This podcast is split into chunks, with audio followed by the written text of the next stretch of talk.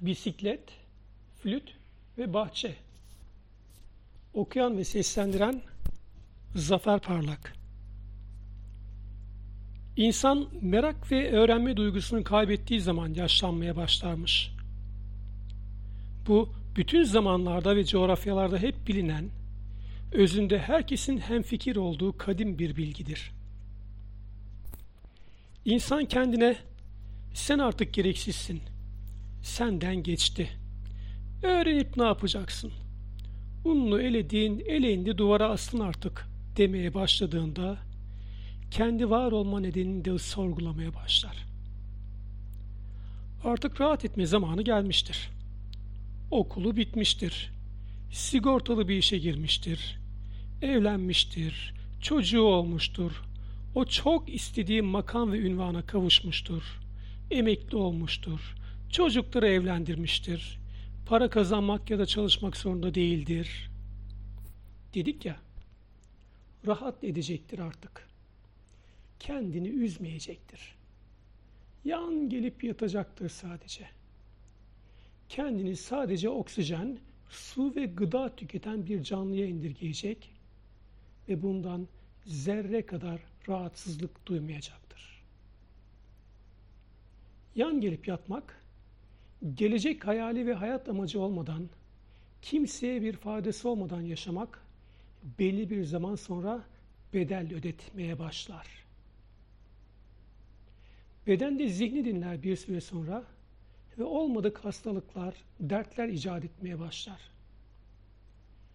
Kendine çok fazla odaklanan kişi bir süre sonra hastalık hastası olmasa bile önce yaşama nedenini sonra da yaşama sevincini kaybeder. Artık kendine bile bir yüktür. O kadar kendine odaklı yaşamaya başlar ki giderek bencilleşir, dünyanın kendisi etrafında döndüğüne ve dönmesi gerektiğine inanmaya başlar. Kendi varlığını kendisi bile anlamlı bulmadığı için anlık zevkler peşinde koşmaya başlar. Günü yakalamak ve anda kalmak düşüncesini yanlış yorumlar. Ben merkezi yaşamaya odaklandığı için sadece kendinden sorumludur artık. Ona göre geçmişin kölesi, geleceğin tutsağı olmadan yaşayabilmek sadece anlık zevk ve ihtiyaçlarının daha iyi karşılanması için benimsenmesi gereken bir düşüncedir. Ölümlüdür ya, ölmeden önce bütün zevkleri tatmalıdır. Ölmeden önce yapması gereken o kadar çok şey vardır ki. Görülmesi gereken yerler, izlenecek filmler, tadılacak yemekler.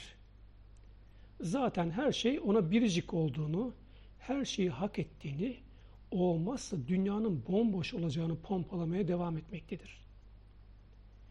İyi olmasını gerektirecek bir neden de yoktur.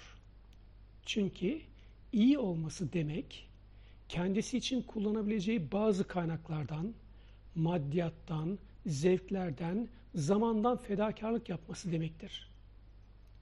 Onun da bunu yapacak nedeni ve isteği yoktur. Kendini dünyanın merkezine koyan ve bencilleşen kişinin yeni bir şey öğrenmek için de hiçbir nedeni yoktur. Öğrenip de ne yapacaktır ki? Zaten bilmesi gereken her şeyi biliyordur o. Henry Ford, bedeni en çok yaşlandıran şeyin öğrenmeyi bırakmak olduğundan söz eder.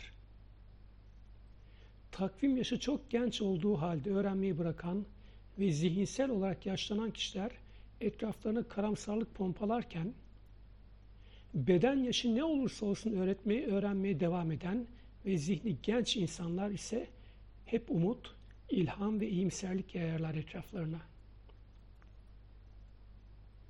Öğrenmeye açık olmak, insan zihnini, ruhunu ve bedenini daha büyük bir bütünün parçası olduğuna ikna eder. Adeta ölümsüzlüğe yönelik bir çağrıdır bu. İnan Acılıoğlu, konfor alanından çıkıp öğrenmeyi tercih etmeyi gençlik iksiri içmek olarak adlandırır. Birçok düşünüre göre de hayat boyu öğreniyor olmak düzenli olarak cehaletini keşfetme sürecidir. Bu da insanı oldum tuzağından kurtaran, tevazu getiren, ve hiç bitmemesi arzulanan bir şeydir. İletişim ve bilişim teknolojilerindeki baş döndürücü gelişme bilginin ikiye katlanma hızını son 10 yılda neredeyse 3 aya indirdi. Bilginin yayılma hızı ise 1950'den bu yana 127 bin kat arttı. Bunların ışığında kişinin sadece mevcut ve sınırlı bilgisiyle yaşamaya devam etmesi, bilgi okyanusuna dalmaktan kaçıp elindeki bir damla bilgiyi derya zannedip kendini cehalete mahkum etmesi bir tür intihardan başka nedir ki? Sokrates cehaletini yani bilmediğini kabul edip hep öğreniyor olma sürecini erdem olarak tanımlar. Bilinçli olarak öğrenmeyi, bilgiye talip olmayı, onun için bedel ödemeyi insanı diğer canlılardan ayıran en temel özelliklerden biri olarak görür. Bilgi Sokrates için peşinden koşulması, paylaşılması, çoğaltılması ve teşvik edilmesi gereken bir erdemdir. İşte tam da bu yüzden yani Atina'nın gençlerini bilgi peşinde koşmaya, düşünmeye, sorgulamaya ve eleştirmeye teşvik ettiği için adeta bir at sineği gibi rahatsız eder.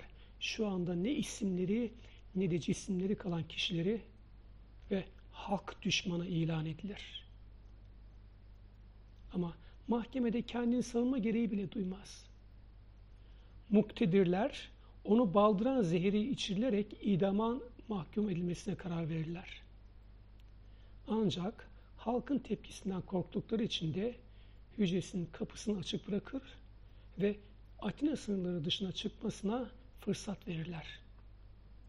Sokrates ise kaçmak, savunduğu şeyleri inkar etmesi anlamına geleceği için kaçmamayı tercih eder. Ölüm onu mutlu edecektir. Son isteği kendisine bir flüt alınmasıdır. İdamına kadar geçen süre içinde flüt çalmayı öğrenir. Hayatı boyunca öğrenmeyi savunan Sokrates, ölürken de öğrenen ve bir anlamda ölümsüz olmayı başaran biri olarak bu satırlarda karşımıza çıkar.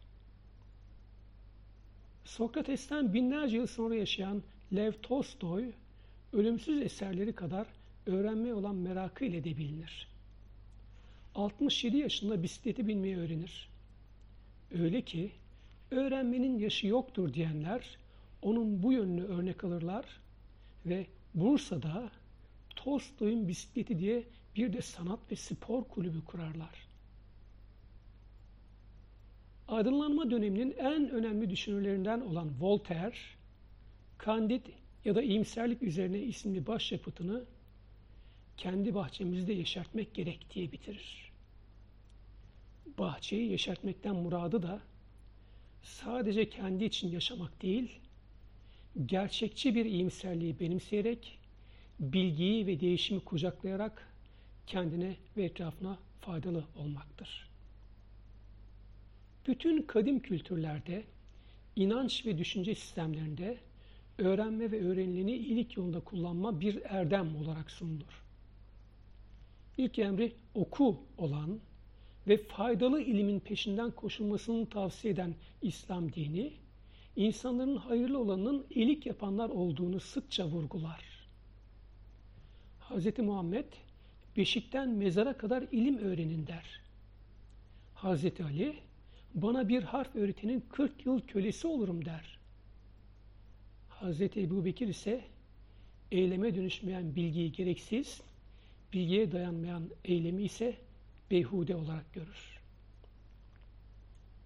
Öğrenmenin temelinde öğrenmeye açık olmak, yani Sokrates'in dediği gibi bilmediğini bilmek ve asla doymayan bir merak duygusu yatar. İnsan hissederek, görerek, dinleyerek, okuyarak, izleyerek, uygulayarak öğrenir. Öğrenmeyi taşlandıran şey ise öğrenilenler üzerinde düşünme, dersler çıkarma ve onları hem kendisi hem de giderek genişleyen bir çember içinde başkaları ve kendisinin de efendisi değil sadece bir parçası oldukları dünyanın hayrına kullanmaktır. Bilgilenen, iyilik yapan ve etrafına faydalı olan kişi kendi varlığını anlamlı ve gerekli bulduğu için mutlu olan kişidir. Mutlu etmek, mutlu olmaktır. Bir söz vardır ya, yardım etmek için uzandığınız el kendi elinizdir diye. O elin sahibi bilgiye talipse daha çok mutlu olur ve daha çok mutlu eder. Çünkü bilgi iyiliktir ve iyilik yapmak ödülünü de içinde taşır.